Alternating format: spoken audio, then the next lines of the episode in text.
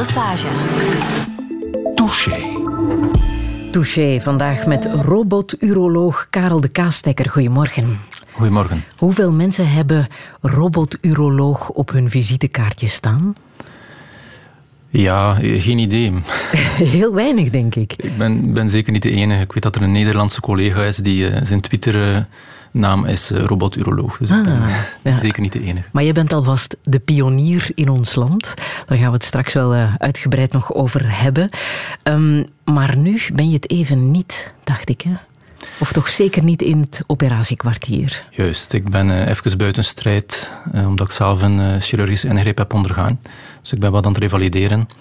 En ja, moet even afkicken van mijn dagelijkse praktijk. Ja, want wat is er precies gebeurd? Wat was er aan de hand? Ik had last van een, uh, een tintelend gevoel in de pink en de ringvinger. En eigenlijk ook gevoelloosheid. Uh, die dan overgegaan is naar ja, neuropathische pijn, noemen ze dat. En krachtverlies door een ingeknaalde zenuw in mijn elleboog. Als gevolg van jouw job, vermoed ik. Ja, veel mensen vermoeden dat, maar eigenlijk ben ik s'morgens wakker geworden in een ja, slechte positie met mijn arm zo achter mijn hoofd. Hè. Uh, ganse nacht zo gelegen en, en toen, uh, toen is het gebeurd eigenlijk. Dus ik mm. vermoed dat het niet met mijn job te maken heeft. Oh ja, maar toch wel een beetje vervelend en frustrerend denk ik dat je net nu niet kan werken. Ja, absoluut. Dat is uh, moeilijk. Ja. Slechte patiënt? Artsen zijn over het algemeen een heel slechte patiënt. Hè. Is het waar, ja? Ja, we, we, zijn niet gewoon om in die rol te zitten. Hè. We zijn, de rol van arts is, is de rol waarin dat we onze identiteit hebben, waarin dat we zelfvertrouwen hebben. Dat we niet bang zijn. Als je patiënt wordt, dan, dan moet je eigenlijk dat vertrouwen afgeven. Je moet een beetje bang zijn. En dat kunnen we niet goed. Hoe lang zou je moeten rusten? Zeg ik heel voorzichtig. Best zes weken, uh, geen zware inspanningen. Uh, geen repetitieve bewegingen. Dus dat wil zeggen, ja, operatie, operaties uitvoeren zes weken is eigenlijk uh, ja, wat ik niet mag doen. Hm. Maar wat doe je wel ondertussen? ik probeer wel wat te consulteren, uh, dat lukt al. Um, vorige week ben ik geweest nu. Ik heb het mij eigenlijk wel een beetje bekocht s'avonds, want ik had wel weer toename van de pijn. Uiteindelijk wijst het ze zelf uit. Hè. Um, volgende week heb ik mij voorgenomen, blijf ik, ik had eigenlijk vakantie gepland, dus ik ben de hele week nog thuis. Aha. En daarna herbegin ik toch weer. En uh, ondertussen wat ik wel? Lezen. Um, dan ook niet met een boek, want dat was een van de dingen. Als ik een boek vast heb, dan, dan begint mijn pink ook aan de andere kant te slapen. Dus een slechte houding. Ja, ja. Dus ja. ik lees op de iPad nu, Mhm. die voor mij staat. Mm-hmm. Hoe zou jij jezelf omschrijven? Ik denk uh, dat ik mag zeggen dat ik een harde werker ben. Uh, ik ben ook zeer ambitieus. Ik, laat het, ik ben niet gauw tevreden. Um, een optimalist is dat eigenlijk. Dus ik maak graag het onderscheid met perfectionist. Mensen uh, zeggen dikwijls, ik ben perfectionist. Wel, ik vind dat niet correct. Perfectionist is eigenlijk bang om te falen en wordt daardoor blokkeerd eigenlijk. Kan eigenlijk niet meer functioneren. En een optimalist is iemand die leert uit falen en die daardoor beter wordt. En ik zou mezelf eerder zo omschrijven. Um, en aan de andere kant, omdat ik zo ambitieus ben en altijd alles wil verbeteren, heb ik nooit innerlijke rust. Ik heb altijd een volgend project, uh, iets meer dat ik wil bereiken of doen. Uh, ik ben ook wel empathisch, denk ik. Ik voel mij uh, betrokken bij andere mensen. Um, Moet ook wel als arts, denk ik. Hè? Dat helpt zeker, ja. ja. Je hebt ook een paar bijzondere levensmotto's waar je je aan houdt. Ja, stilstaan is achteruit gaan is uh, zeker een, een, belangrijk levensmotto. Ik had het eerst anders omschreven. Ik had gezegd van... Uh, um, ja, doe er maar aan voor, doe maar in slaap en we gaan eraan beginnen. Dat is een uitspraak natuurlijk als ah, ja. chirurg. Maar ik wilde eigenlijk zeggen, stilstaan is achteruit gaan. Dus ik, ik modder niet graag aan in het leven. Ik, heb graag dat er, dat er vooruitgang in zit. Um, ik heb snel beslissingen genomen altijd in het leven. Toen ik mijn vrouw leerde kennen, zijn we heel snel gaan samenwonen, snel getrouwd, snel uh, ons eerste uh, dochterke. En uh, al die dingen, ook snel een huis gebouwd. Ik, ik wacht niet graag in het leven. Ook, professioneel gezien ben ik niet iemand die blijft trappelen totdat iedereen rond mij de, de, nieuwe uh, dingen uitgevonden heeft. Ik ben liever degene die in de frontlinie staat en, en zelf komt met nieuwe ideeën en uh, dat uitprobeert. Mm, de pionier. Ja. ja. Karel de Kaastekker, welkom in Touché. Radio 1. 1. Friedel Lesage. Touché.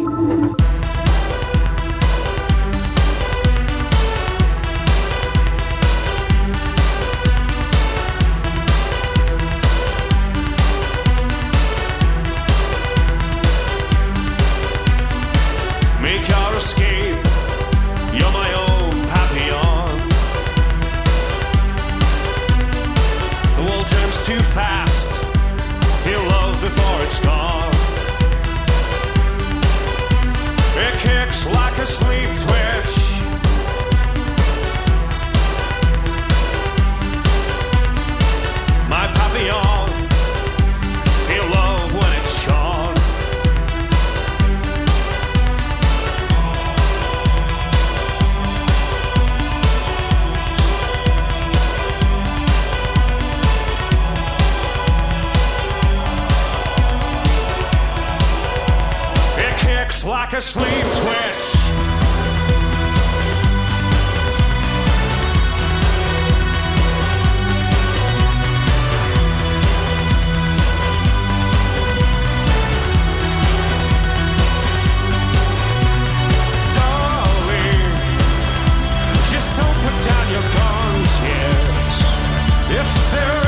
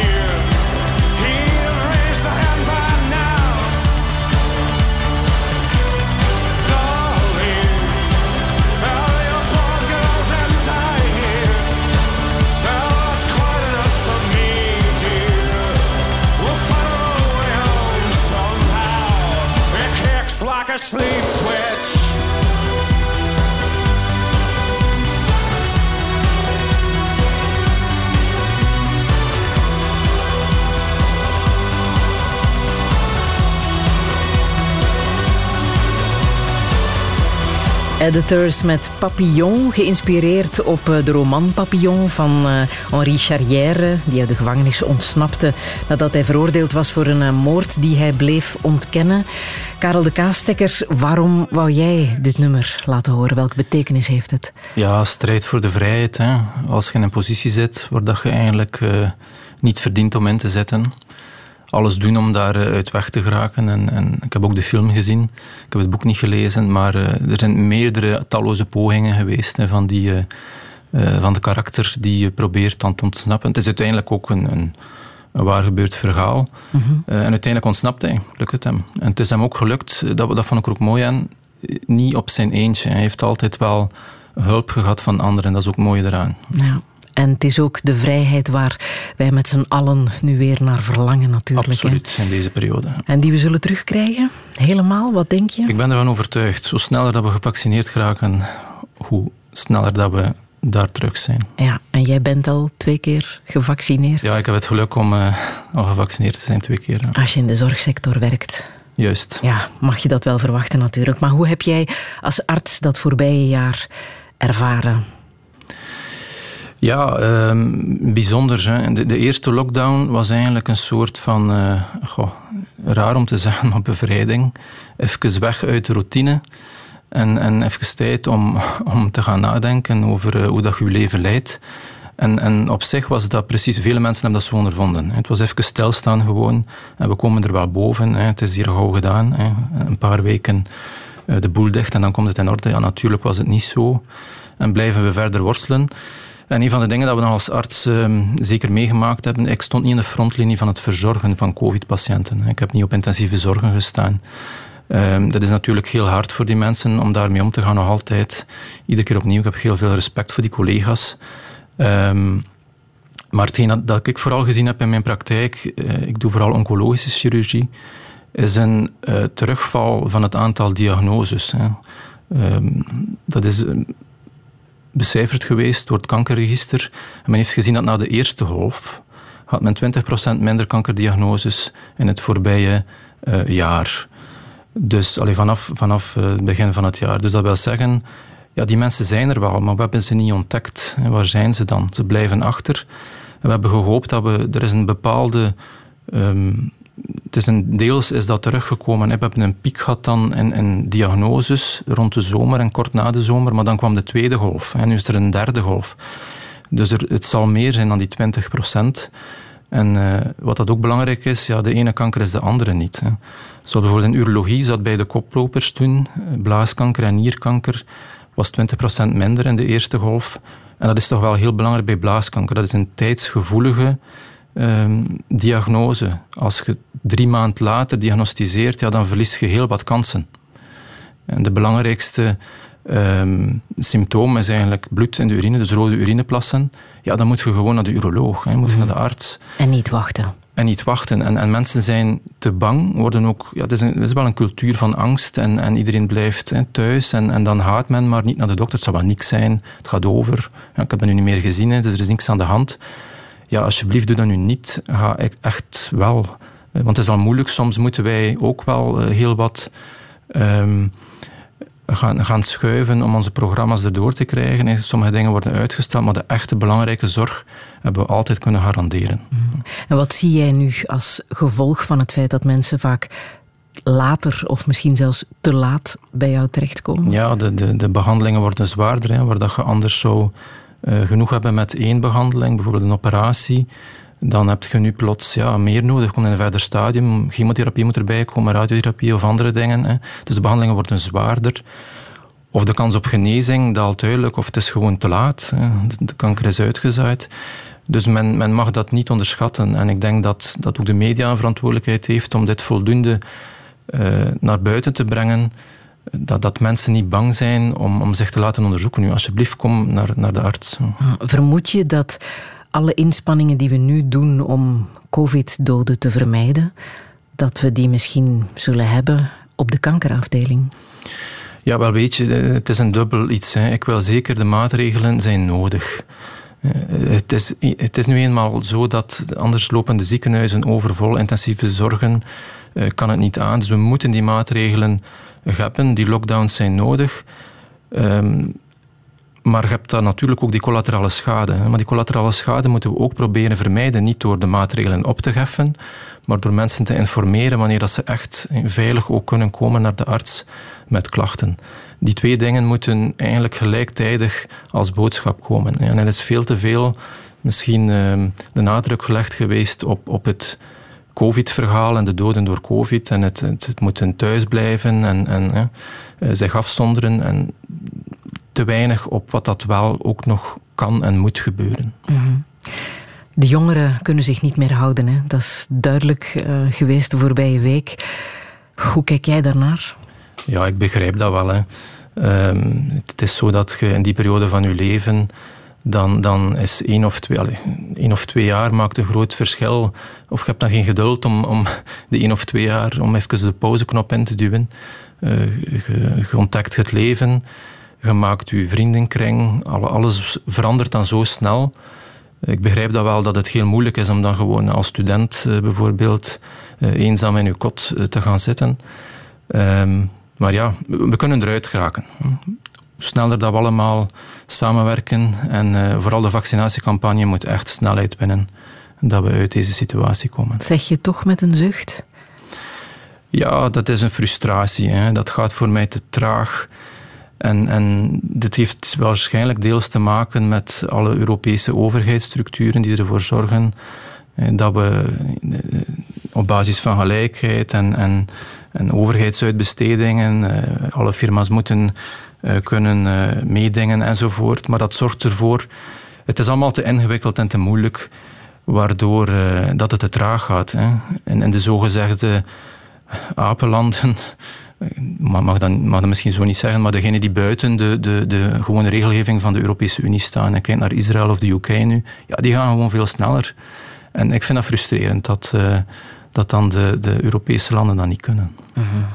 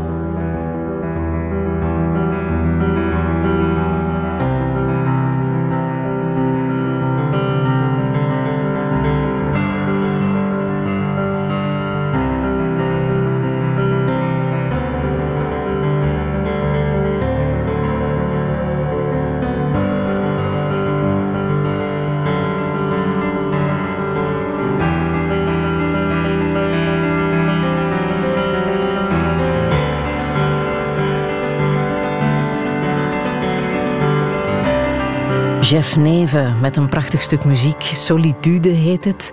Karel de Kaastekker, welke betekenis heeft deze muziek voor jou? Ja, wel, eerst en vooral, piano is dan mijn, mijn lievelingsinstrument, om het zo te zeggen. Um, maar dit nummer specifiek, ik vind het een heel mooi werk van Jeff Neven. Maar het refereert ook, hij heeft het geschreven voor een dansvoorstelling um, die het verhaal deed um, tussen een vader en een zoon de, de moeilijke verhouding ertussen. En uh, op die manier refereert het wel naar mij ook. Welke band had jij met je vader? Ja, um, dat is moeilijk om te omschrijven. Hè. Uh, het is zo. Um, dus het is in, al, in, het algemeen niet alleen met mijn vader en met mijn ouders. Uh, heb ik een, een, een slechte band uh, ontwikkeld uiteindelijk. Het is niet dat ik had geen slechte ouders. Hè.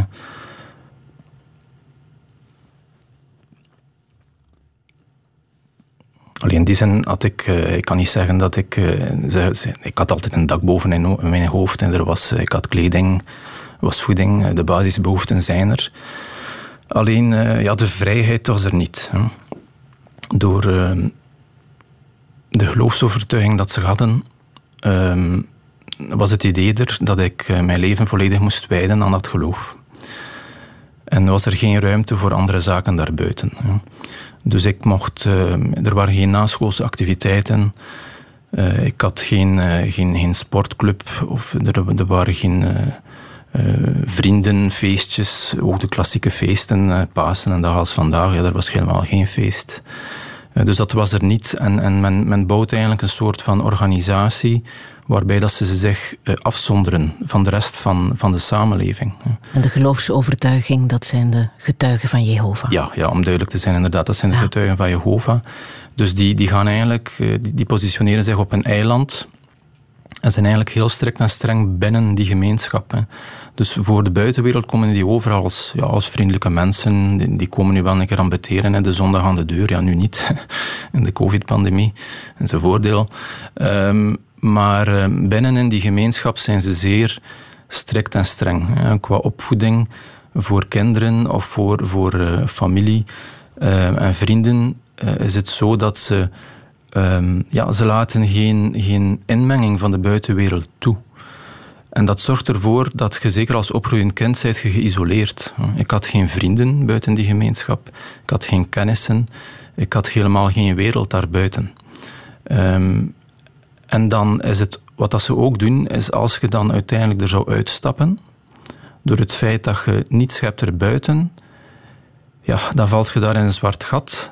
En dan gaat men nu ook nog een keer gaan volledig sociaal gaan doodzwijgen. Dus men weigert nog contact aan met u, gaat um, u eigenlijk ja, sociaal gaan pesten, hè, om, om dan... De bedoeling is dat je terugkomt. Mm -hmm. Dus je hebt geen vangnet en je hebt geen contact meer met hen. Dus het, wat is dan uw enige uitweg? Is dan ja, dat je teruggaat en er u bij neerlegt. Dat is wat dat ze willen. Hoe zijn jouw ouders bij de getuigen van Jehovah terechtgekomen? Dat is een goede vraag en ik weet het antwoord eigenlijk niet. Ik weet wel dat er ergens in het leven moeten zij uh, ja, iets gevoeld hebben van een falen of, of van een, een tekort. Uh, of, ik weet het eigenlijk niet. Een, een, een depressie of zo, waardoor dat ze uh, naar iets op, anders op zoek waren en dan zijn ze daarin gerold. En hebben ze eigenlijk ja, hun ganse denken veranderd en omgezet naar die geloofsgemeenschap. Want, want, mijn vader was vroeger was een hele harde werker ook, werkte in het weekend. Wat deed hij? Hij was stucadoor dan op dat moment. Um, als ik uh, kind was, ik herinner mij goed dat hij morgens altijd vroeg vertrok, ben nog mee geweest als, klein, als kleine jongen. Maar um, en mijn moeder was turnlerares. is dat gestopt, ergens als ik 10, 11, 12 jaar, ik weet niet meer precies wanneer, om ja, beter voor het gezin te zorgen en vooral te zorgen dat we goed leefden volgens de regels van de gemeenschap. En hadden jullie contact met de familie, met hun ouders, met jouw grootouders en uh, de familie daar rond? Ja, weinig. Weet je, er waren ook wel mensen in de familie die ook dezelfde geluidsovertuiging hadden. Ik had een aantal neven. Um, en daar had ik dan wel contact mee. Anderen erbuiten, dat was duidelijk veel minder. Er waren wel een keer familiefeesten waar dat we dan wel aanwezig waren. Of um, ik heb onlangs nog mijn, mijn onkel, die er niet in bij is, um, heb ik trouwens behandeld ook. Uh, maar um, dus hij, hij, zei het nog, ja, dat heeft heel de familie uiteengescheurd. Hè. Vroeger kwam heel de familie samen bij de oma van mijn uh, moederskant dan. En dat, dat was een, een tof gebeuren. Hè. Alle kleinkinderen waren alle kinderen. En dat is uiteindelijk helemaal uit elkaar gegroeid. En uh, ja, dat heeft heel veel familie verscheurd. Uh -huh. Hoe heb jij dat aangevoeld als, als kind? Want je ging natuurlijk wel naar een gewone school en je had daar klasgenootjes die uh, uh, allicht vreemd opkeken dat jij bepaalde dingen niet mocht of niet, niet deed. Werd je daarom gepest, anders bekeken? Hoe ging oh, dat? Ik werd eigenlijk niet gepest. Um, het is wel zo, weet je, omdat je ja, ik ben altijd daarin opgegroeid. Hè. Voor mij is er niks anders geweest en het was normaal. En, en je wordt het zodanig ingeprent dat dat eh, het beste is en dat dat de manier is om een hoger doel te bereiken. En eigenlijk, ja, als kind verdedigde dan ook uw ouders of de mening van uw ouders. En het is pas later, als je zelfstandiger wordt, een keer dat ik uh, door de puberteit ging en, en meer over het leven begint na te denken, dat je, dat je ziet, ja, dit is toch bizar uh, wat ik hier aan het doen ben. Wanneer is dat besef gekomen dat er toch iets niet normaal was aan dat leven dat, dat jij leidde? Ja, ik denk dat dat rond 14, 15 uh, begonnen is. En, en zeker uh, ja, rond mijn 16 uh, is dan uiteindelijk de, toen was het nog de frank gevallen. En dan begint je zo, ja, je begint door die, je ziet dat allemaal luchtkastelen zijn. Hè? Dat heel die religie, dat dat eigenlijk, ja, dat is opgezet door mensen, dat is bedacht door mensen om, om bepaalde vraagstukken in het leven te proberen op te lossen. Um, en, en dan kijkt je daardoor en dan begin je te zien, ja, begin je je eigen wereldbeeld te vormen en, en wilt je er iets anders van maken. En het is toen dat het begonnen is in feite. Ben je dat gesprek aangegaan met, met je ouders? Heb je dat in vraag gesteld tegenover hen? Ja, maar later pas. Eigenlijk al op het moment dat ik wist en dat ik beslist had van hiermee stop ik. Hè. Er was geen ruimte voor twijfel. Je, je durfde daar bijna niet, je durfde daar niet over spreken. En dan, dan zou men u als afvallig zien, als een kind van de duivel. Uh, dus je durft daar niet, je durft dat niet in vraag stellen. Dan, dan, dat was de straf dat je nog wat meer uren uh, in die boeken en in die Bijbel mocht zitten. En dus dat, dat, nam heel het leven. En drie keer per week gingen wij naar een vergadering. Je moest dat voorbereiden. Iedere morgen was er een Bijbeltekst waarmee dat, de ochtend begon. Um, dan moest je nog een keer het geloof verkondigen, hè, van duur tot uur langs de straat. Dus dat, dat, nam heel het leven in. Er was gewoon niks anders. Uh, en ergens, wat dat gezegd, hè, op school was dat dan normaal. Um, gepest ben ik niet, maar mensen kijken inderdaad wel naar u. Uh, vinden u raar. Je hebt een broer, hè? Hoe ging hij daarmee om? Um, dus mijn, mijn broer is erbij gebleven, is zeer fanatiek geworden uh, in die godsdienst. Ik heb mijn middelbaar niet met hem doorgemaakt. Hij, weet je, in het begin heeft hij gerebelleerd. Wou hem eigenlijk niet neerleggen bij, uh, bij, bij dat geloof. Uh, en, en had een moeilijke jeugd in het begin. En dan plots... Ik weet dat hij ergens is hij waarschijnlijk... Ja, ik weet het niet, hè, dat is moeilijk om, om dat nu te zeggen. Hij zou me niet een dank afnemen, maar ik denk dat hij ergens depressief geweest is. En, en zich neergelegd heeft bij, bij dat het leven zo zou zijn.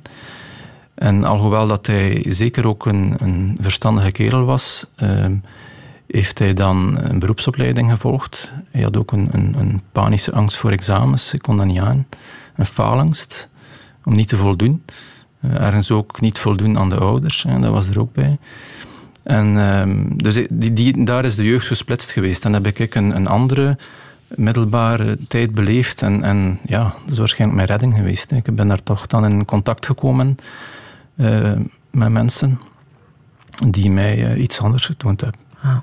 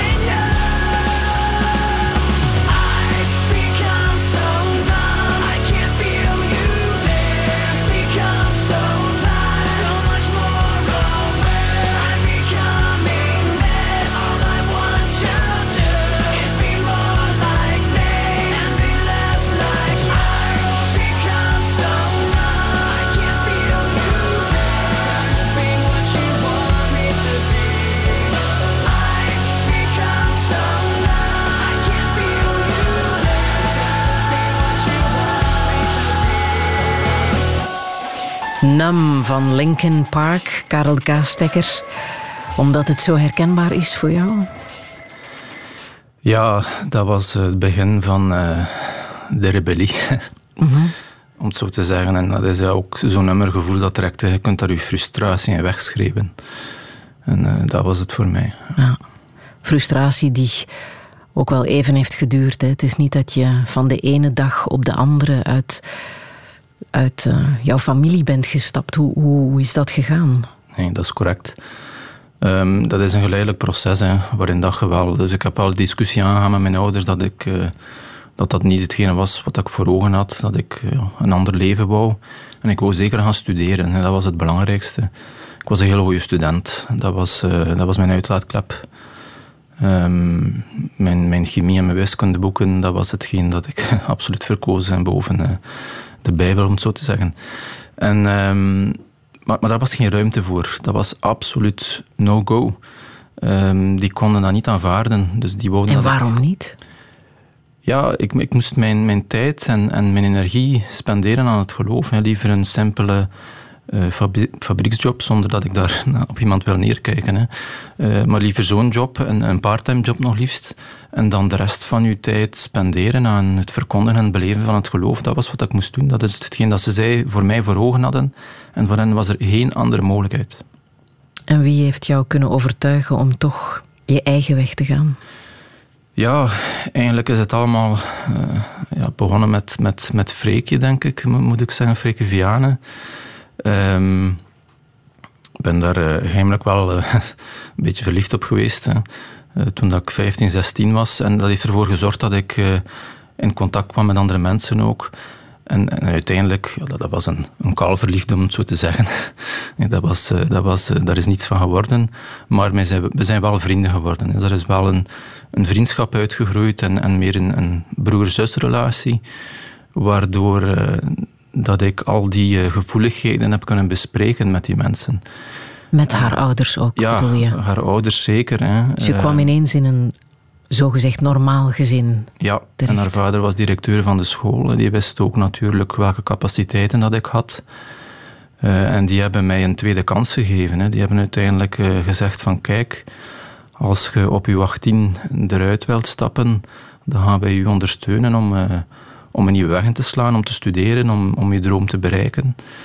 En, en dat is mijn redding geweest. want als je op je achttiende wou gaan studeren, had je niks. Geen sociaal vangnet, geen financiële steun van je ouders? Niks meer? Nee. Absoluut, dat is correct. Hè. Dus uh, ik ben zeker, mijn ouders hebben gedacht van, ach, hij, hij, gaat, hij gaat op zijn, met de staart tussen zijn benen terugkomen. Hè. Die jongen kan dat nooit realiseren, hij heeft geen geld. Uh, dat gaat niet lukken. Je heeft geen, uh, geen uh, emotionele ondersteuning. Hè. Studeren alleen op kot gaan, dat is zwaar. Maar ze hebben zich ver mispakt. En ik heb nu, let op, ik ook doordat ik de steun gehad heb van hen, die hebben mij opgenomen in hun gezin. Hè. Je moet dat niet vergeten. Dat is niet, niet gewoon zomaar een keer zeggen van hier, we betalen, we helpen nu voor je studies. Hè. We betalen een kot en, en uw inschrijvingsgeld. Het was, het was meer dan dat. In het weekend ging ik dikwijls bij hen thuis gaan wonen. Dus er was de de gezinssfeer en er was ook. Um... Psychologische steun, kan ik me ja, voorstellen. Ja. Absoluut. Ja. Dan kies je wel meteen voor de langste studie? ja. ja, dat is natuurlijk. Uh, deels misschien de rebellie. maar uh, ik was wel. Het was wel wat ik wou doen. Ik was uh, iemand die, ik heb het al gezegd, empathisch. Ik ben zeer betrokken en begaan met andere mensen. En, uh, en wetenschap eh, lag mij heel uh, aan het hart. alles wat dat biologie, chemie wiskunde was, maar dan niet de, de, abstracte wiskunde. Dat, dat was waar dat ik mij in kwijt kon. En, en die combinatie, dat, dat vond ik dan een geneeskunde. Ah, en dan ook nog eens specialiseren in de urologie. Ook niet echt voor de hand liggend, lijkt me. Nee. Waarom die keuze? Al snel um, wist ik dat het een snijdende discipline, noemt dat, uh, moest zijn. Dus ik wou iets doen met, met opereren. Ik was gefascineerd door anatomie. En, en hoe dat je dat kunt uh, um, ja, en ingrijpen en, en kunt verbeteren of ziekte kunt herstellen door, door operaties. Waarom ben ik in de urologie gerold? Want uiteindelijk, eigenlijk mijn echte droom was kinderhartchirurg. Ja. um, maar dat was dan, ik heb daar gesprekken over gehad met, met Catherine François, die nog altijd diensthoofd is nu bij ons op kinderhartchirurgie maar het is mij niet, ik, heb het niet gekozen omdat um, de bestemming was um, onzeker. Dus het is te zeggen, je moest eerst chirurgie doen, dan moest je nog naar het buitenland voor een niet erkende opleiding kinderhartchirurgie. En dan kwam je terug zonder zeker te zijn dat je eigenlijk ja, een werkplaats had. Dus dat was voor mij geen optie in mijn situatie. En dan heb ik ook uiteindelijk Piet Goebeke leren kennen. Die uh, ja, voor mij altijd een, een groot voorbeeld geweest is en, en een mentor. Uh, en, en ja, hij heeft mij eigenlijk in urologie getrokken. Hij heeft mij uh, overtuigd, uh, zonder, zonder mij te willen overtuigen, maar gewoon door te zijn zoals dat hij is, om uroloog te worden. Je was niet een beetje ambitieus, je was heel erg ambitieus. Heb je daar zelf een psychologische verklaring voor? Ja, ik denk het wel. Hè. Um, dus ik, ik heb dat nooit beseft. Ik heb altijd goede punten gehad op school ook. En, en ik studeer graag en wetenschappen vind ik fascinerend. En, en eh, dus het optimalisme, het altijd verbeteren, het, het innoveren, het creatief zijn, dat zit er zeker in. En dat is ook zo in geneeskunde. Um, maar ergens heb ik um, ja, sinds een tweetal jaar beseft dat dat waarschijnlijk wel een onderliggend uh, reden heeft dat ik ja, mijzelf wil bewijzen dat ik, het wel, dat ik de goede keuze gemaakt heb. Dat ik het wel zeker kan. Je bent uh, pionier geworden in niertransplantaties en robotchirurgie. Uh, Zo ben je de, de man die de eerste niertransplantatie in ons land heeft gedaan. Nierdonatie bij, bij leven. Um, kan je eens uitleggen waarom dat, dat op dat moment zo bijzonder was? Ja, dus eh, om, om, om het correct te zeggen, uh, dus ik heb de eerste robot-niertransplantatie uh, gedaan in België. Um, en dat was toen speciaal omdat robotchirurgie is al langer gekend. Hè. Dat heeft zijn ingang gevonden sedert de eeuwwisseling in feite ongeveer. Maar dat was vooral voor um, dingen weg te nemen. Hè. En minder voor reconstructie en zeker heel complexere zaken, zoals bijvoorbeeld een niertransplantatie, ja, die toch echt niet mag misgaan. Hè. En zeker bij levende donatie, je gebruikt een orgaan van een levende mens, dus dat zijn eigenlijk twee operaties. Hè. En je plant dat in een ander levende mens. Dat, dat heeft geen ruimte om mis te gaan. En je moet dus iets verbeteren. Het is al zeer goed. Dus ja, hoe kun je dat nu nog verbeteren? Um, daardoor heeft het waarschijnlijk zo lang geduurd.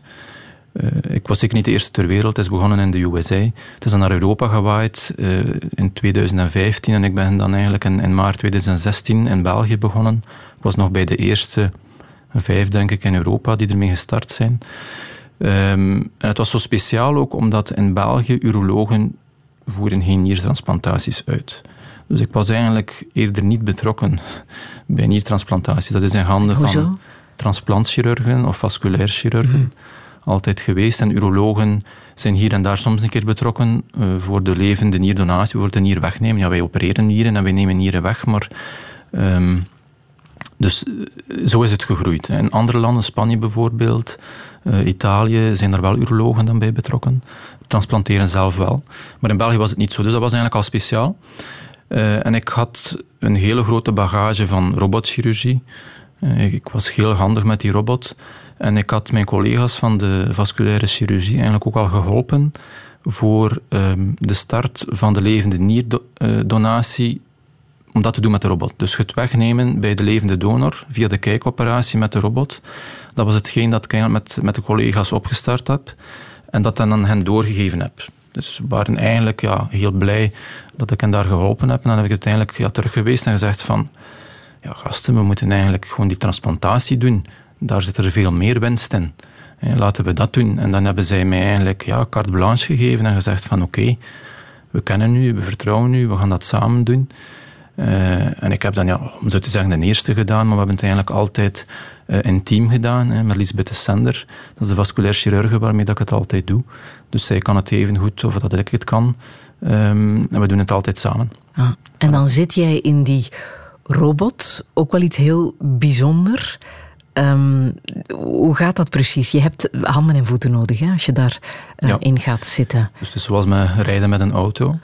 Um, je hebt inderdaad... Uh, dus we werken met hendels, waarmee het zijn eigenlijk... Dus je steekt je duim en je um, middenvinger. Uh, steekt je in, een soort joysticks, waardoor dat al je beweging dat je doet met de vingers en met de polsen worden overgezet op die miniatuurinstrumenten. Dus de, de robot staat aan de patiënt met instrumenten eraan, kleine instrumenten, dat komt in het lichaam van de patiënt. En de arts zit op afstand aan de robotconsole en bedient dus die hendels en die pedalen en alle knoppen en kan daardoor de robot besturen. Dus dat is wat men noemt een master-slave systeem. Dus de robot doet niets zonder dat de chirurg het doet. Dat zijn de huidige robots. En het grote voordeel is dat jij als chirurg niet meer zelf met je handen in het lichaam van de patiënt moet, om het even heel plastisch uh, uit te drukken. Ja, inderdaad. Dus we kunnen complexe handelingen doen uh, via kleine insneden. Ah. Dus daar waar dat we anders bijvoorbeeld bij een, zeg maar een operatie, een blaasverwijdering en het, het maken van een nieuwe blaas, een grote buikinsnede maken uh, van 20, 25 centimeter. En langdurig die wonden moeten open houden, opentrekken, om dan met ja, de lompe handen, om het zo te zeggen, uh, dingen te gaan uitvoeren. Ja, dat kun je ook via hele kleine sneetjes en via miniatuurinstrumenten die niet beven, die geen last hebben van in een bepaalde positie te staan, uh, waar dat je nog een vierde arm bij hebt. Een, een, een, dus de camera is één arm, je hebt twee werkarmen en dan nog een derde uh, werkarm, dus een soort assistentarm. Dus dat zorgt dat je eigenlijk ja, meer kunt dan dat je kunt met, met de handen. Je ziet ook beter, het zicht is driedimensioneel en vergroot. Je ziet als het ware microscopisch. En dat is hoe dat de robots nu zijn. En dat is, ja, die evolutie die eraan komt, of revolutie, is enorm. Hè. Dus uh, we gaan nu gewoon naar de master-slave operatie, maar dan komt heel de integratie met artificial intelligence, die ons dus, uh, het, het, gaat meer nu een GPS-systeem worden. Dus we gaan geleid worden uh, door het lichaam en door de operatie met, met warnings van wat dat je moet vooroppassen of wat dat je best doet. Eh, voor preoperatieve planning, waarbij dat beelden van een CT-scan driedimensioneel voorgesteld worden en u eigenlijk leiden door het operatieve veld en dat je als het ware kunt simuleren op voorhand of overlay op het moment van augmented reality, dat, komt, dat is nu bezig. Hè. Um, dat is geen die mij heel hard interesseert en ook bezighoudt nu. We zijn daar onderzoek aan het doen. Um, er is een, een, um, een PhD die onder mij daaraan werkt, uh, samen met, uh, met Orsi Academy. En zit Gent Universiteit Gent met een baaklandmandaat van eh, de Vlaamse Anflaio. Uh, nog een tweede ingenieur ondertussen in samenwerking met, met IBITEC. Dat is de afdeling van de ingenieurswetenschappen die op het UZ Gent geresideerd zijn. En dus wij, wij zoeken naar manieren om dus die, die robotchirurgie ja, beter te maken, te optimaliseren. En dan gaat het uiteindelijk verder gaan naar ja, videoherkenning, dus dat de, de, de computer herkent het menselijk lichaam, de anatomische structuren, uh, kent de operatie en gaat uiteindelijk ja, voorspellen wat dat er gaat gebeuren. En gaat dan uiteindelijk stapjes kunnen overnemen geleidelijk aan. Dus dan wordt het ja, zoals een zelfrijdende auto. Ja. Komt er toch aan. Ze. Ja, maar de chirurg moet er nog wel altijd bij zijn. Die robot gaat het nooit alleen kunnen, vermoed ik? Voorlopig niet. Men heeft ook gezegd dat de zelfrijdende auto het niet kon. Nee. Maar toch maar. Hè. Dus uh, ja, ik weet het niet. Zo'n robot kost 2 miljoen euro. Het is zijn geld waard. Ja, uh, dat kost inderdaad. Ik vind dat zeker zijn geld waard. Ik, ik heb ooit nog een artikel uh, laten publiceren waarin dat ik zeg dat 2 miljoen, een robot een koopje is voor 2 miljoen euro. Ik vind dat nog altijd, omdat de, de, de voordelen dat je eruit haalt, zijn, zijn groot. het herstel van de patiënt is een enorme winst. En bijvoorbeeld ah. nu om de blaasoperaties te zeggen, gemiddelde legdag voor een blaasverwijdering en het aanleggen van een vervangblaas of stoma is 20 dagen in België. Uh, met de robot is dat nu bij ons een, een achttal dagen geworden. Hè. Dus dat is een heel groot verschil. En ook het herstel nadien het sneller kunnen opnemen van, van de activiteiten van het dagelijks leven of van het werk die winst is enorm, maar die winst zit niet in het huidige terugbetalingssysteem. En dat is de moeilijkheid eraan. Hè. Dus um, de patiënt en de maatschappij hebben winst, maar dat kan men niet direct gaan compenseren door bijvoorbeeld een verhoogde terugbetaling voor de robot te geven. Dan moet, ergens is dat potje zo groot of is die taart zo groot en we moeten eigenlijk een andere taart gaan aansnijden om, om dat te kunnen recupereren.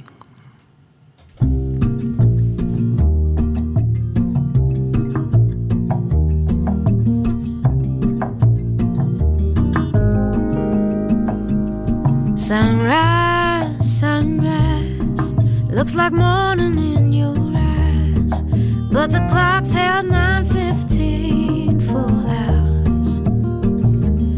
Sunrise, sunrise, couldn't tempt us if it tried, cause the afternoon's already come and gone. And I said.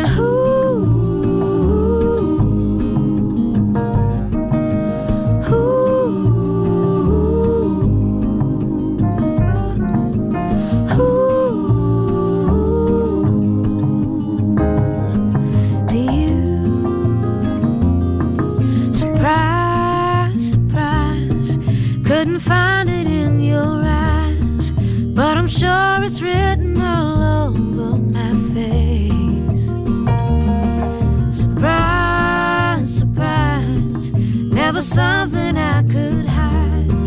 When I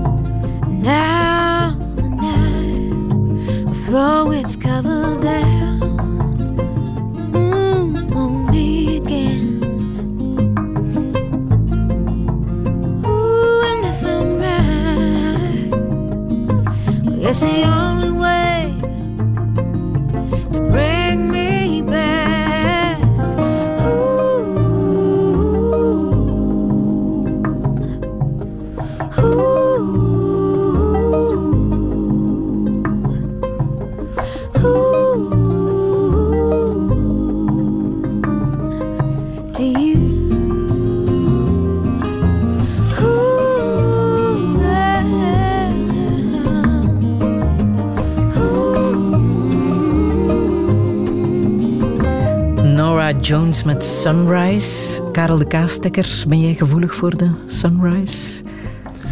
Ja, ik ben, ben nogthans ben geen ochtendmens. Maar, uh, Eerder een nachtmens? Ja, ik, ik durf wel eens lang doorwerken. En uh, ik ben ook wel ergens inderdaad een nachtmens. Kan ik toch een keer een toegeving of een, of een bekentenis doen? Um, dus in de tijd uitgaan was geen optie. Hè, als, uh, toen ik nog thuis woonde. En ik glipte door mijn venster of door de deur. En was dan de nachtuil. Um, om toch maar uit te gaan en ergens een vriendenkring op te bouwen. Dus ik deed dat van mijn 15 jaar. Zonder dat mijn ouders het ooit geweten hebben, te zeggen dat ze nu zouden luisteren. Ah. maar bon. Um, en s morgens moest ik fris aan tafel zitten. Ah ja. Dus ik ben wel nachtuil geweest, maar ik denk dat ik vele en ook voor het opereren, hè, eh, als je verwacht bent. Maar ik heb veel krediet opgebruikt. Dus ik eh, hou nu van mijn nachtrust. Ik ben eigenlijk geen nachtuil meer. Uh, om te zeggen Sunrise, waarom heb ik dat gekozen? Ja, ik, ik word er gewoon blij van, van dat lied. Dat geeft mij een goed gevoel. Hoe schakel jij um, ja, de stress die je toch wel ondergaat in het ziekenhuis, hoe schakel je dat uit? Ik moet ongeveer een half uurtje rijden met de auto. Dat helpt? Ja, dat helpt. Het is, uh, het is de autostrade, het is monotoom. Soms vergeet ik, ik weet soms echt niet wat dat er uh, gepasseerd is als ik... Uh, sommigen zouden daarvan schrikken. Oei, zit niet aandachtig. Maar ik rijd dan echt op automatische ja. piloot. Um, en s'morgens luister ik heel veel naar Radio 1. maar als ik terugkom van mijn, mijn werk, dan is het niet meer Radio 1. Dan, dan is het echt andere muziek die mij kan ontstressen. Ja. ja. En wat biedt jou nog meer ontspanning? Ja, thuiskomen. Um, ik heb een, een, een, heel goed gezin. Um, twee pracht van dochters, uh, Anna en Marta. En uh, een, een hele goede een hele goede partner die uh, ja, er altijd voor mij is. Ik, ik kom graag thuis. Ah. La Vita è Bella, dat ja. is jouw favoriete film. Maar de inhoud van die film is wel iets dramatischer dan de titel doet vermoeden. Ja, natuurlijk. Hè? Waarom heeft die film jou zo geraakt? Ja, omdat het, ehm, eh, toont de, de vrijheid, de blijheid, hè, ook de, de manier waarop het vertolkt is. Hè. Dus de, de hoofdpersonage is ook de, de regisseur. Ja, Roberto Benini. Ja. ja. En ehm, hij heeft dat prachtig gedaan, vind ik. Hè. En, en, echt het, het bijna kinderlijke, naïeve, vrij zijn, blij zijn, eh, vrolijk zijn komt erin naar voren. En dan uiteindelijk, ja, uh, ook het de realiteit hè, waarin dat we leven en, en de, de zaken die gebeurd zijn uh, in de wereldoorlogen, wat dat mensen elkaar ook kunnen aandoen. Mm. Maar Speelt ook zich af voor en tijdens de Tweede Wereldoorlog. Hè? Ja, ook hoe dat hij daarin beschermend is dan naar zijn zoon. Dat, die, die, die fase, dat is ongelooflijk. Hoe dat hij dan toch uh, meegaat in dat spel met zijn zoon en met die tank, uh, met, met die dingen dat ze moeten overwinnen. Het spel spelen zodanig dat hij hem ja, verborgen hield totdat uh, uiteindelijk de bevrijding met de, met de Amerikaanse tank die binnenrolt kwam. Uh, ja, het is ongelooflijk en uiteindelijk ja, sterft hij dan wel, maar overleeft zijn zoon het. Ja, alweer religie, hè? Ja. Die daar een belangrijke rol speelt. Juist, ja, het gaat om Joden natuurlijk. ja, heel het verhaal van de Tweede Wereldoorlog. Um, Het is ook uh, heel bijzondere muziek. Zullen we daar nog eens naar luisteren? Thank you.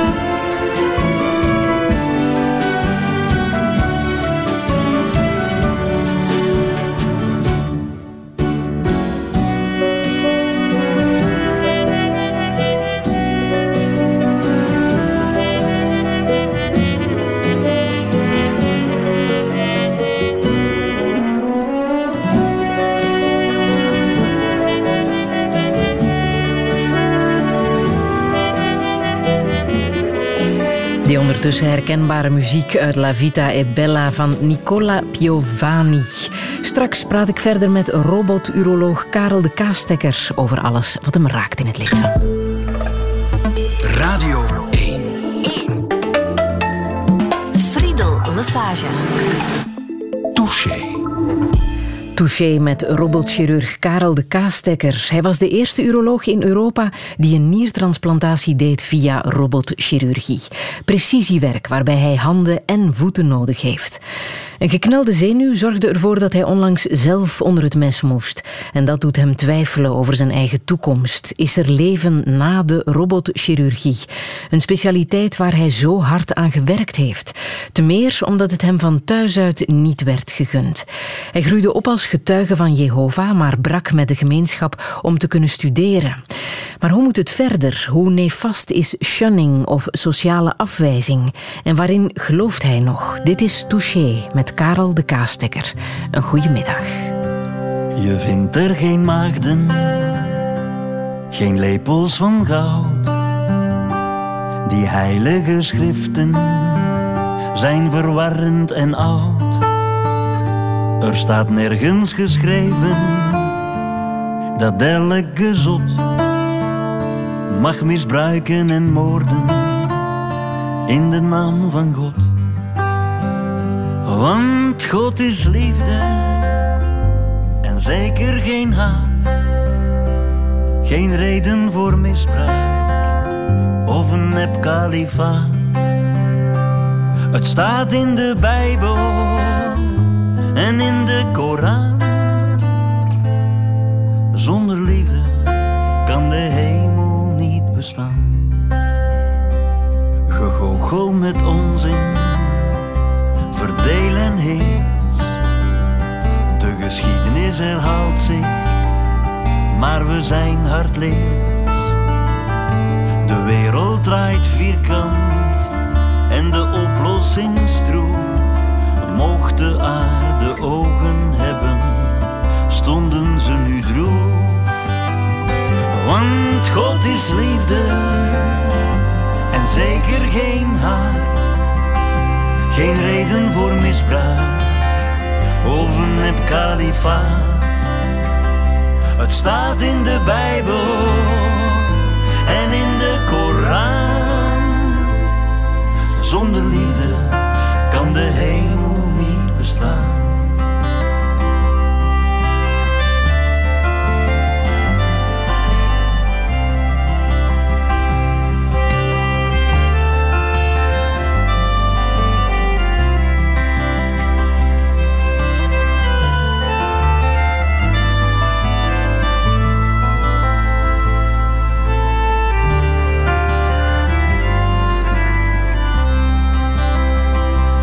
heeft een mens aan al die zelfverklaarde vertegenwoordigers van Gods zaak? Dat rare grondpersoneel op aarde kletst maar wat raak, kletst maar wat raak, want God is liefde zeker geen haat. Geen reden voor misbruik of een nep kalifaat. Het staat in de Bijbel en in de Koran. Zonder liefde kan de hemel niet bestaan. Zonder liefde kan de hemel bestaan. Hemel, het protestlied van Bart Peters, geschreven naar aanleiding van de aanslagen in Parijs en Brussel, om het misbruik van religie aan te klagen. Karel de Kaastekker, het is een nummer dat voor jou ook eh, een diepe betekenis heeft. Hè? Ja. Ehm, ik, waarom dat ik het gekozen heb, is omdat eh, eh, religie mag nooit een uitvlucht zijn om ja, hier nu letterlijk in te moorden, maar ook om, om eigenlijk iemand eh, te, gaan, te gaan gaten of, of andere mensen onterecht on, te gaan bejegenen. Dus dat is mijn idee erachter en hij verwoordt dat heel mooi, natuurlijk naar aanleiding van de aanslagen. Veroordeelt daar ehm, de, houding van, van het extremisme. Ehm, en, en dat is de reden waarom dat ik het ook gekozen heb. Dus voor mij, ik heb ook een, een soort... Ja, mijn ouders waren extreem in hun religie. En, en dat heeft mij ja, zeker psychologische schade toegebracht. En, en het is de reden waarom dat ik, het, ja, dat ik dat lied... Ik ben een fan van de muziek van Bart Peter in het algemeen. Maar dit past natuurlijk bij het verhaal dat we vandaag willen brengen. De getuigen van Jehovah, kan je uitleggen waarin zij precies geloven? Ja, zij geloven eigenlijk dat ze hier tijdelijk zijn op aarde. En eh, dat het uiteindelijke doel is het, het paradijs. Ergens dus waar dat alleen eh, geloofsgenoten zullen zijn. En ze moeten deze wereld hier overleven. En ze kunnen dat maar overleven door een strikte eh, geloofscultuur aan te houden, strikte regels. En als ze die overtreden, ja, bon, dan worden ze daar buiten gezet. Ehm, en dat is de enige manier om daar te geraken in dat paradijs. En doe je dat niet, ja, dan raak je er niet en zijt je, zijt je veroordeeld. Wereldwijd zijn er zo'n 9 miljoen leden van eh, de getuigen van Jehovah. In België 25.000, waar jouw ouders eh, ook toe eh, behoren. Ehm, zelf heb jij ook de boodschap moeten uitdragen, want daar zijn ze het meest van bekend. Hè? Van de deur aan deur Ja, ik heb, bezoeken. Dat, ik heb dat jaren gedaan. Ehm, ik ken alle straten en huizen in de regio Diksmuiden. En welke boodschap moest jij toen verkondigen? Wat, wat moest je vertellen? Ja, ongeveer hetgeen dat ik gezegd heb. Hè. Dus dat, men, eh, dat we hier in een, in een tijdelijke situatie zitten die eh, sowieso niet oplosbaar is en dat we onze tijd niet moeten verspelen met zogezegd ja, hier ongelukkig te zijn, maar dat we dus eigenlijk moeten door eh, de, de geloofsbeleidenis uh, strikt na te volgen, ons ja, zuiveren, waardoor dat we gered kunnen worden. Dat was Werd je wel binnengelaten? Want veel mensen laten de getuigen van Jehovah niet eens binnen. Hè? Wat was jouw ervaring? Ja, nee, ik was uh, blijkbaar toch een, uh, succesvolle. ik heb niet echt zoveel uh, als kind hè, natuurlijk de deur tegen mijn neus gekregen. Um, waarschijnlijk omdat ik kind was, omdat ik ergens ook een, een, een blik had die, die de mensen vasthield of zo, ik weet het niet. Hm. Ja. Hoe kijk je daar nu op terug, dat je dat hebt gedaan als kind? Ja, ik wist van niet beter. Hè. Dat was hetgeen dat mijn ouders verwachten. En ik heb dat uh, nu en dan zeker tegen mijn uh, gedacht gedaan. Uh, ik wou dat niet doen. Maar hetgeen dat ik nog aangehaalde, ik heb dat ook ooit een keer gezegd op televisie, is dat hetgeen die raar is voor mij als ik terug door die streek rij of daar passeer, is ik kan mijn ogen toedoen en ik weet heel het stratenplan van buiten. Ik ken te huizen, hoe dat ze eruit zien langs de achterkant en de binnenkant, omdat ik overal ongeveer geweest ben. En dat is een raar gevoel. Ja. Um, omdat nu natuurlijk heb ik daar niks meer mee te maken. En dat gevoel is dan raar. Maar voor de rest, ja, bon, ik heb het gedaan, ja. Half maart kreeg eh, de VZW, Getuigen van Jehovah, een boete van 96.000 euro voor het aanzetten tot discriminatie op grond van geloofsovertuiging en voor het aanzetten tot haat. Het was uh, ex-getuige Patrick Haak die als eerste in ons land een uh, dergelijke zaak heeft uh, aangespannen nadat hij zelf werd uitgesloten in de gemeenschap. En dit zei hij na de uitspraak. Het gaat ons niet zozeer om de straf, het gaat ons vooral om de erkenning, de erkenning van het misdrijf, het aanzetten tot haat, het aanzetten tot discriminatie. Eindelijk worden slachtoffers erkend als wat ze zijn, slachtoffers. Touché. Is dit ook herkenbaar voor jou? Is dit ook een erkenning voor jou als slachtoffer? Ja, absoluut. 16 maart, het was 16 maart en zal ook eh, een dag zijn dat ik niet gauw zal vergeten. Dus dat is, een, dat is eigenlijk een overwinning uh, voor ons, omdat het nu eigenlijk door de maatschappij herkend wordt dat, dat het een, eh, een, een, een misdrijf is. En dat de organisatie zelf eigenlijk terechtgewezen wordt uh, dat ze eigenlijk hun boekje te buiten gaan. Ah. En dat is een, een, een, enorme overwinning. Dat is de eerste keer wereldwijd dat dat gelukt is om hen op die manier te veroordelen. Dan gaat het over shunning, hè? over die sociale uitsluiting. Ja, absoluut. Dus het gaat niet over het uitsluiten op zich, maar het gaat over uh, het, het psychologisch die eraan hangt, hoe dat men iemand afwijst nadien en alle contact mijt, iemand ja, sociaal doodzwijgt en buitensluit, uh, waardoor dat mensen ja, ik heb het al een keer verteld, je hebt geen wereld erbuiten. Dus het enige dat je nog hebt is toch ergens wel het contact met die groep. En, en men sluit je dus helemaal af. Er is al heel veel psychologisch onderzoek naar gedaan. Eh, ook bij dieren zag ik bij mensen in het algemeen. Als je iemand uit een groep sluit en die staat daar alleen, dat geeft enorme psychologische gevolgen. Hè. En is eigenlijk, zij willen dat omdat de meesten dan ja, terugkrabbelen en terugkeren of niet durven zich te laten uitsluiten.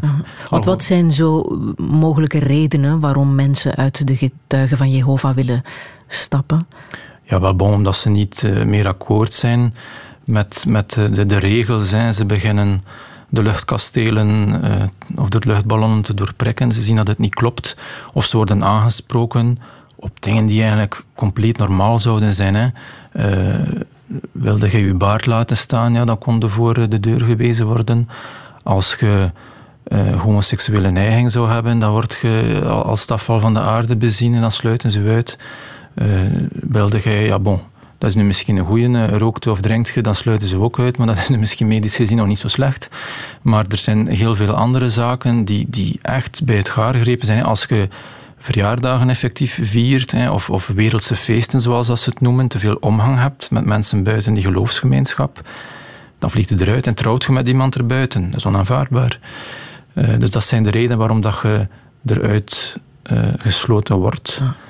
En dan wil men u terechtwijzen door niet meer met u te spreken. En, en zo breken echt ganse families. Ik heb hetzelfde meegemaakt. Hè.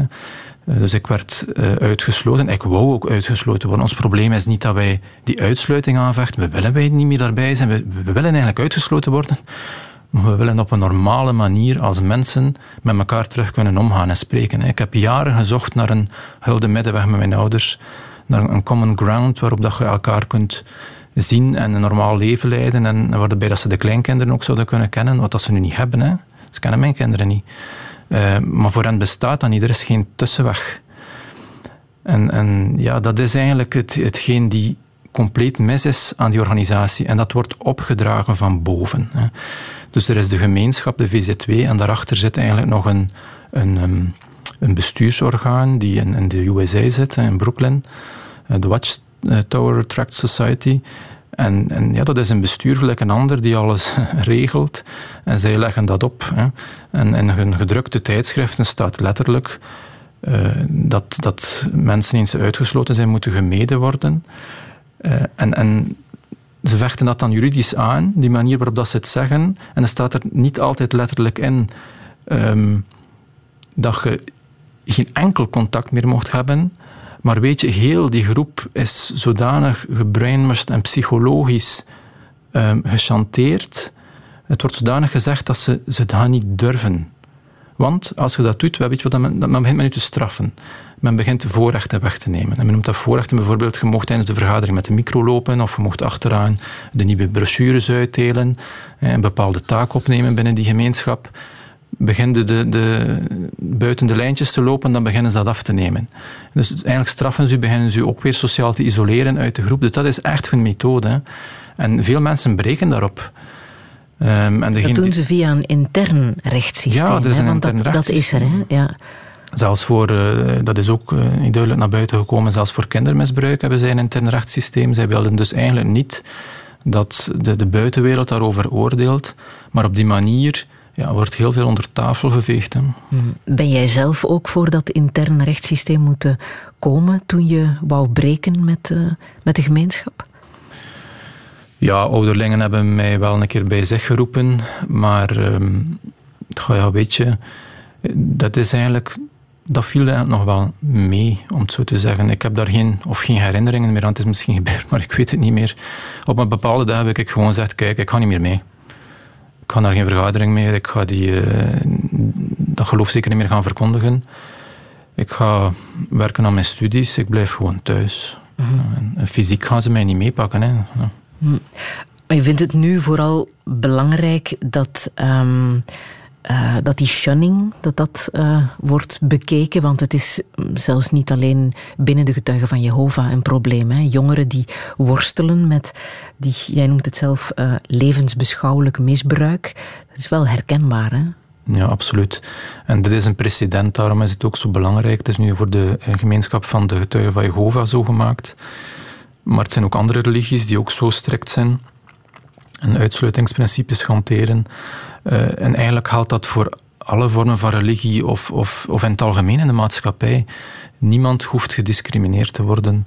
En, en de psychologische gevolgen daarvan zijn echt niet min. Om het nu terug te hebben over de getuigen van Jehovah. Um, toen dat ik, uh, toen dat topdokters op televisie kwam en toen dat ik de eerste keer naar buiten kwam met gans het verhaal van mijn jeugd, heb ik heel veel berichten, mails, telefoons gehad. Het was echt een, een overspoeling. Um, met verhalen van, van anderen die gelijkaardige dingen meegemaakt hadden, die er niet uit durfden of die er toch uitgeraakt waren. Maar ook echt schrijnende verhalen. Bijvoorbeeld iemand die ook zeer um, talentvol was en, en verstandig, die graag had verder gestudeerd. En de dag dat ze haar diploma kreeg, heeft ze zelfmoord gepleegd. Omdat ze geen weg eruit zag. Dus het is toch ongelooflijk dat ze uh, iemand zo ver kunnen krijgen om dat te doen. Het is ook een oproep om mensen die daaruit willen stappen, uit welke religie dan ook, dat die bescherming krijgen. Ja, absoluut. En er is een weg uit. En, en nu het feit dat bijvoorbeeld die shunning, waarvoor dat ze bang zouden zijn, dat er geen, geen, geen vangnet is, dat ze gaan genegeerd worden, wel, dat is nu strafbaar. Hè? Als dat nu opnieuw gedaan wordt en geklaagt de zaak weer aan, dan is er een precedent en dan, dan kan er opnieuw een straf uit, eh, uitgesproken worden. Dus eigenlijk moeten ze ofwel in beroep gaan, ik weet niet wat ze gaan doen, dan is het misschien voor het Europese gerechtshof wel zoveel te beter, want ik zou er heel blij mee zijn en, en Patrick ga ik ook, denk ik. We staan ervoor te springen. Eh, want welke rechter gaat nu oordelen dat die getuigen van Jehovah weer een vrijgeleide krijgen om mensen psychologisch te gaan chanteren en te gaan beschadigen om hun geloofsovertuiging, zogezegd de vrijheid van geloofsovertuiging, te gaan beleven. Ja, kom, dat is niet normaal en niemand gaat dat doen. Hè.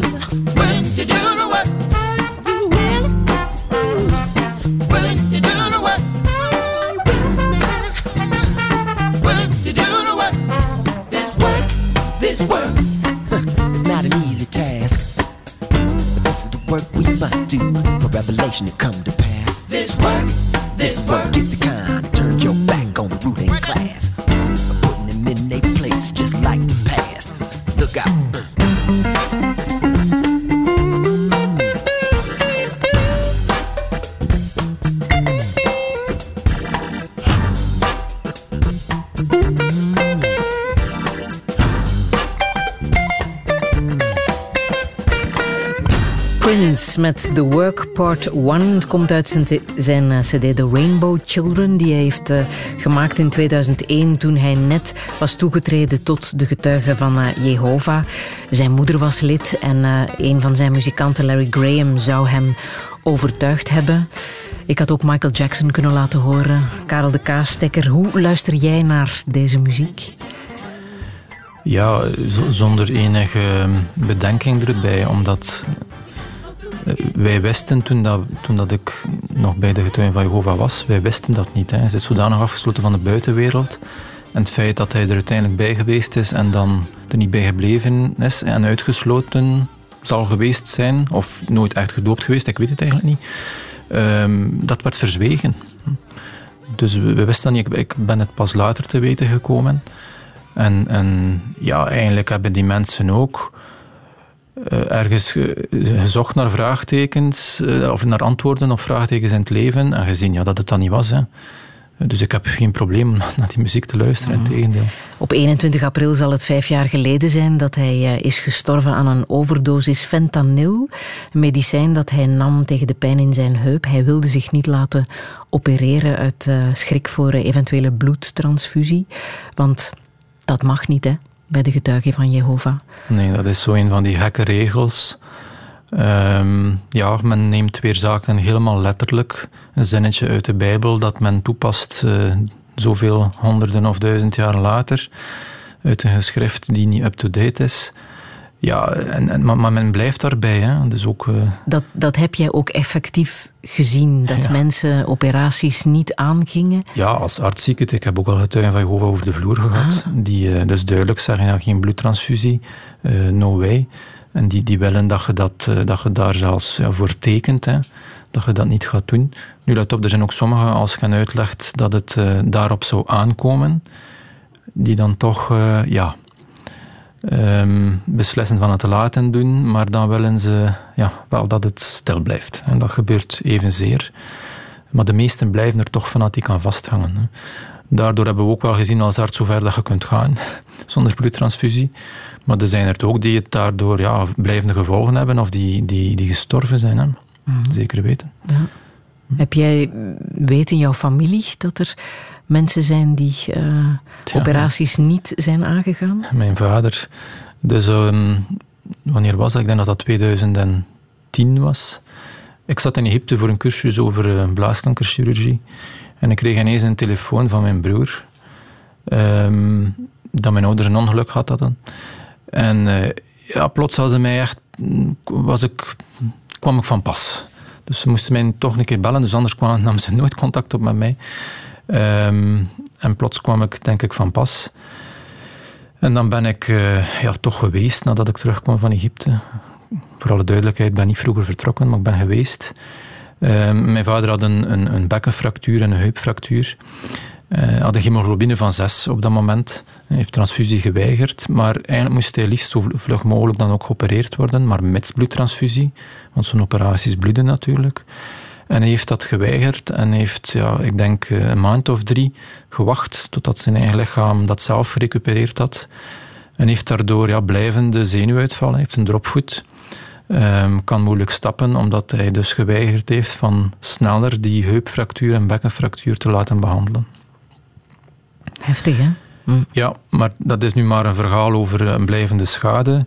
En ze zullen dat dan wel zien als een soort... Uh, uh, een boetedoening zeker, uh, of als ze daarin slagen, een soort kastijding die naar een hoger niveau zal voeren, want, ze hebben bewezen dat ze kunnen voldoen aan de regels.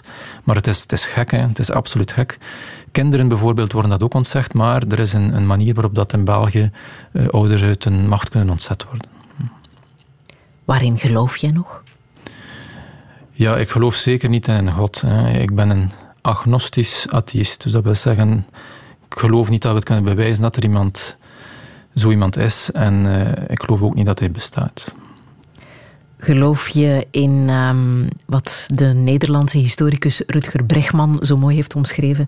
Dat de meeste mensen deugen. Dat is ook de titel van zijn uh, ja, veelgelezen boek. Uh, dat denk ik eigenlijk wel. Dus ik, ik geloof in de liefde en in de wetenschap, om het zo te zeggen. Dus ik, ik denk dat uh, de meeste mensen zijn van binnenuit goed. Je moet het alleen ja, stimuleren en het, het uit de mensen bij wijze van spreken halen. Hè. Door er op een correcte manier mee om te gaan, kun je dat stimuleren in elkaar. Ah.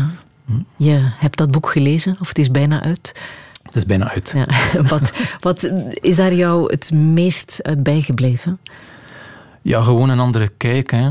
Dus uh, het wordt ook op een wetenschappelijke of psychoanalytische manier uh, wordt, worden vele studies opnieuw doorgenomen. Studies die vroeger aangehaald werden als bewijs van de mens is in C slecht en zondig. En je moet die behandelen alsof dat hij sowieso gaat gaan voor het egoïstische, voor het, voor het slechte. En, en daarom ja, is kapitalisme en communisme zeker de strekkingen geweest die geprobeerd zijn. Uh, in kapitalisme is geld de manier en de vrije markt om te zorgen dat alles gereguleerd gaat. Hè. Iemand doet maar iets omdat hij er voordeel aan heeft. In het communisme is dan de stok achter de deur en, en, en alles vrij voor iedereen. Maar geen een van de twee ja, brengt eigenlijk de hele duidelijke oplossing, als we eerlijk zijn.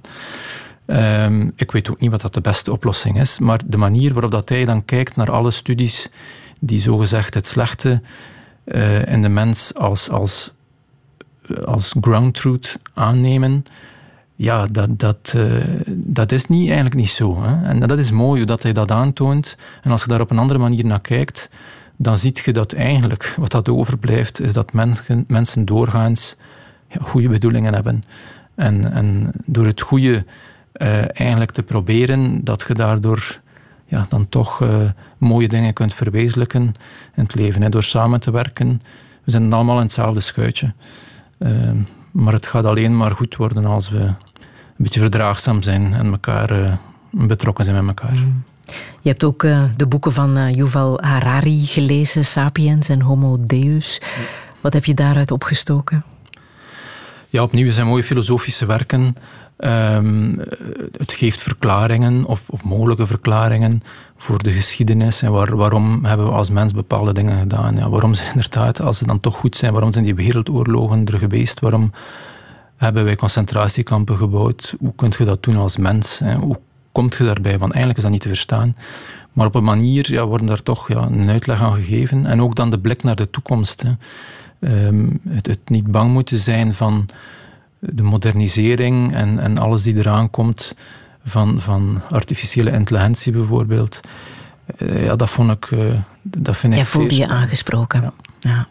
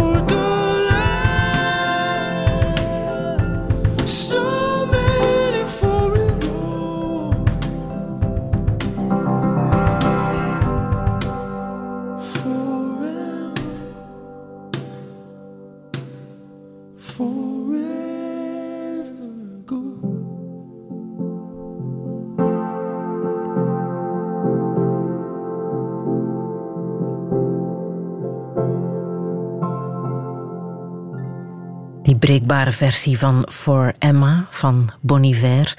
Karel de Kaarstekker, welke betekenis heeft dit nummer voor jou?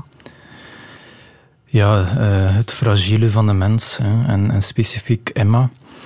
Emma was een uh, zevenjarige, vrolijke, uh, zeer verstandige meid die uh, ja, het garde verdikt kreeg dat ze een hersentumor had. Het was um, het beste vriendinnetje van mijn oudste dochter. En ehm, ja, dus gans het verhaal daar rond uh, heb ik van zeer dichtbij meegemaakt. Hè. Dus wij waren ja, vrienden aan huis uh, bij die ouders. We betrokken samen uh, dikwijls op. Of, de, de, dus de vader was ehm, eigenlijk van opleiding was hij kok. En wij gingen heel dikwijls daarheen om, om te gaan eten. Als ik een lange werkdag had gehad, dan waren we altijd de vrijdagavond typisch welkom. Um,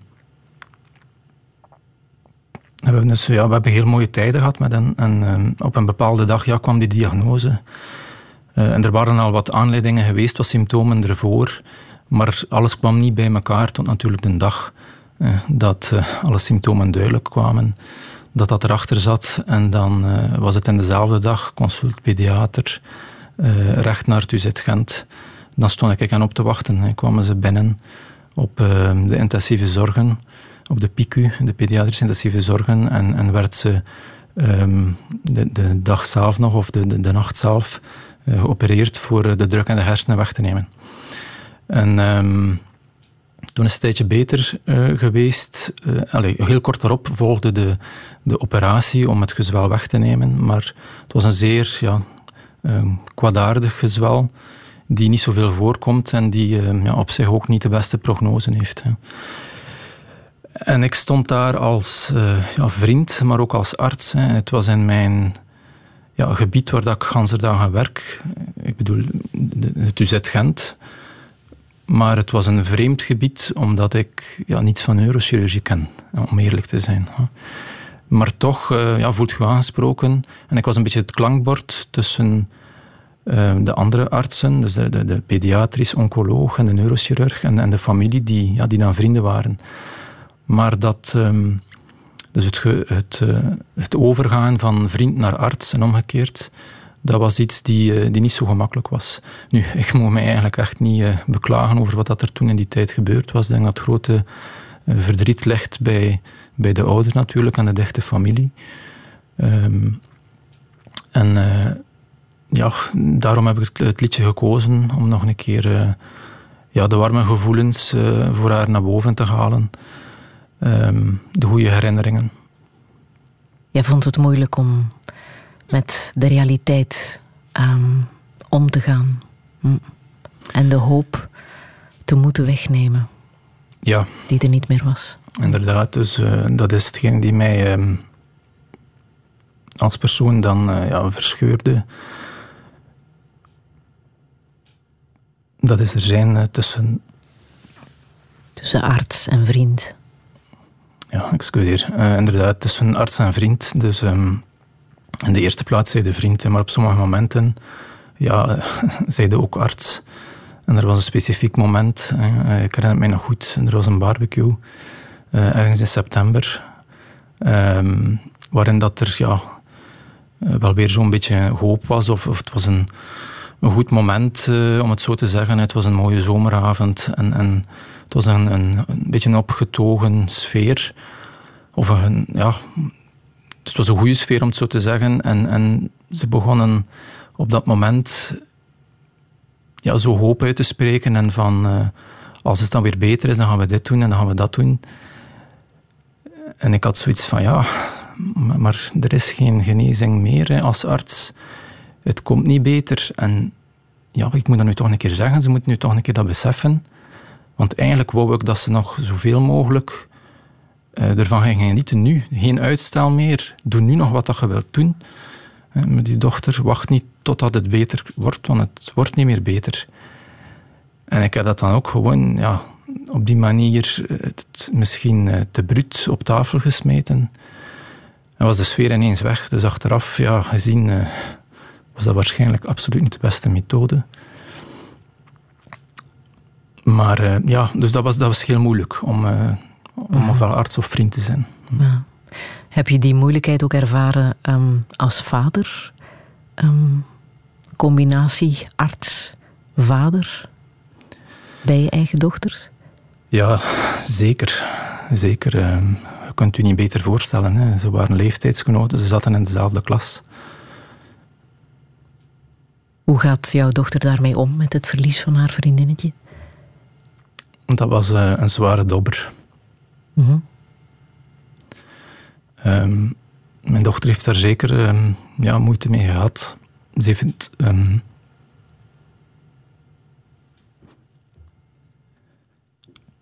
ze heeft het moeilijk gehad om.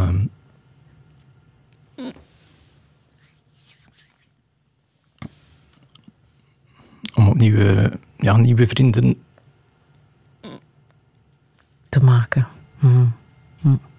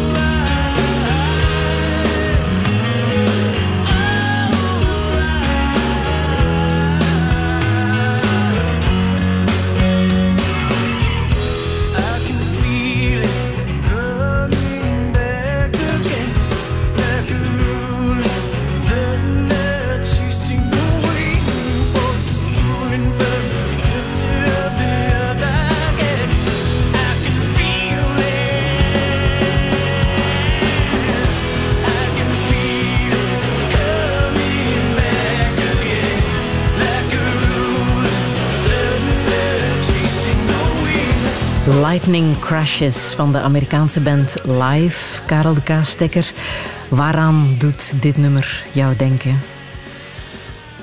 Ja, komen en gaan van het leven. Hè. We hebben net over het, het gaan gesproken, maar het was vooral voor mij dan het komen op het moment van uh, de geboorte van mijn dochter, Anna.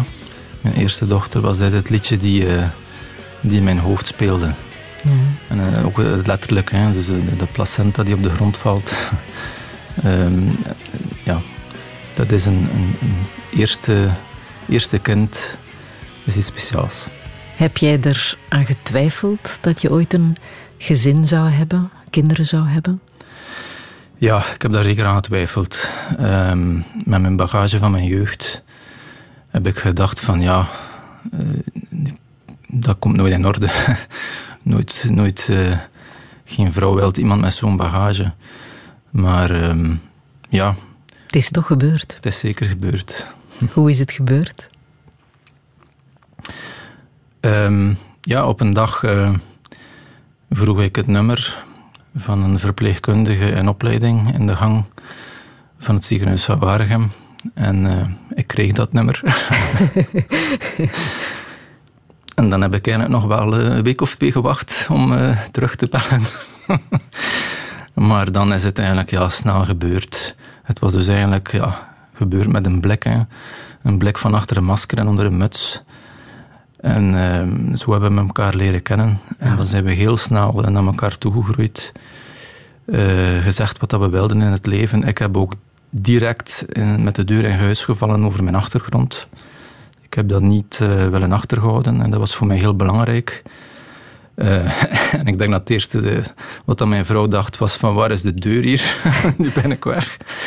Maar uh, uiteindelijk ja, heeft zij ja, heeft dat ervoor gezorgd dat ze mij nog liever zag en heeft dat heel veel respect opgebracht voor de strijd dat ik gestreden heb.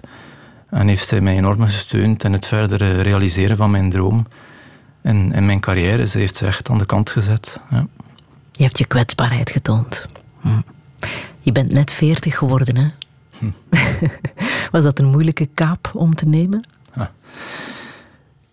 ja eigenlijk wel. Ik had het niet verwacht. Uh, nu, het is ook in deze omstandigheden. Anders denkt aan, aan een groot feest met uw vrienden. Hè. Maar... Uh, uh, nu was het alleen. En, en ja, toch zo ineens. Uh, 30 worden is geen probleem. Maar 40 worden was toch al anders. Je hebt al zoveel bereikt. Wat zou je echt nog willen in het leven? Ja, ik, ik heb zeker nog op professioneel vlak. Uh, er zijn altijd nog uh, innovaties dat ik wil doen. En, en, dat gaat mij, denk ik, blijven uh, bezighouden tot aan het einde van mijn carrière.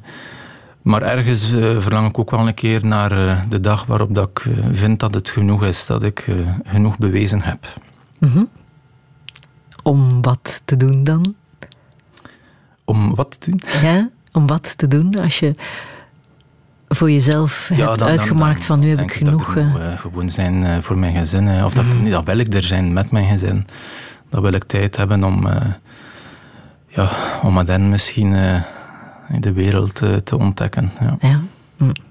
Je wil nog Martha laten horen van Tom Waits. Waarom precies? Dat was uh, de geboorte van mijn tweede dochter, Martha. En um, het was eigenlijk uh, ja, de vroedvrouw die uh, kwam met het, met het liedje van Tom Waits. Het is uiteindelijk ja, een, een, liefdeslied van een verloren liefde. Maar het is voor eeuwig verbonden aan de geboorte van, van mijn dochter Martha.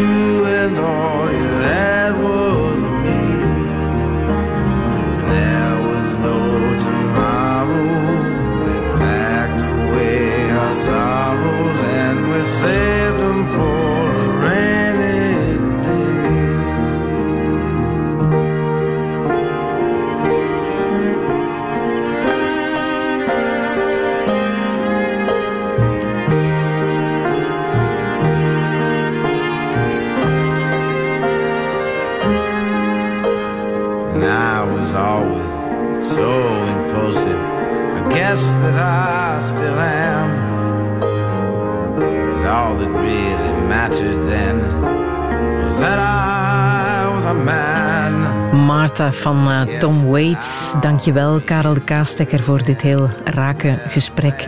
Alle info van de dingen die hier ter sprake zijn gekomen kan je nalezen op onze website radio1.be. En volgende week praat ik met presentator Wilfried de Jong. Die zal vertellen wat hem raakt in het leven. Vandaag zit hij waarschijnlijk wel ergens voor een scherm te kijken naar de Ronde van Vlaanderen. Het is een grote fiets vanuit. Bij jou zal het niet anders zijn, denk ik. Dat klopt. We kijken allemaal. Herbeluister Douché via de podcast, Radio 1-app en radio1.be.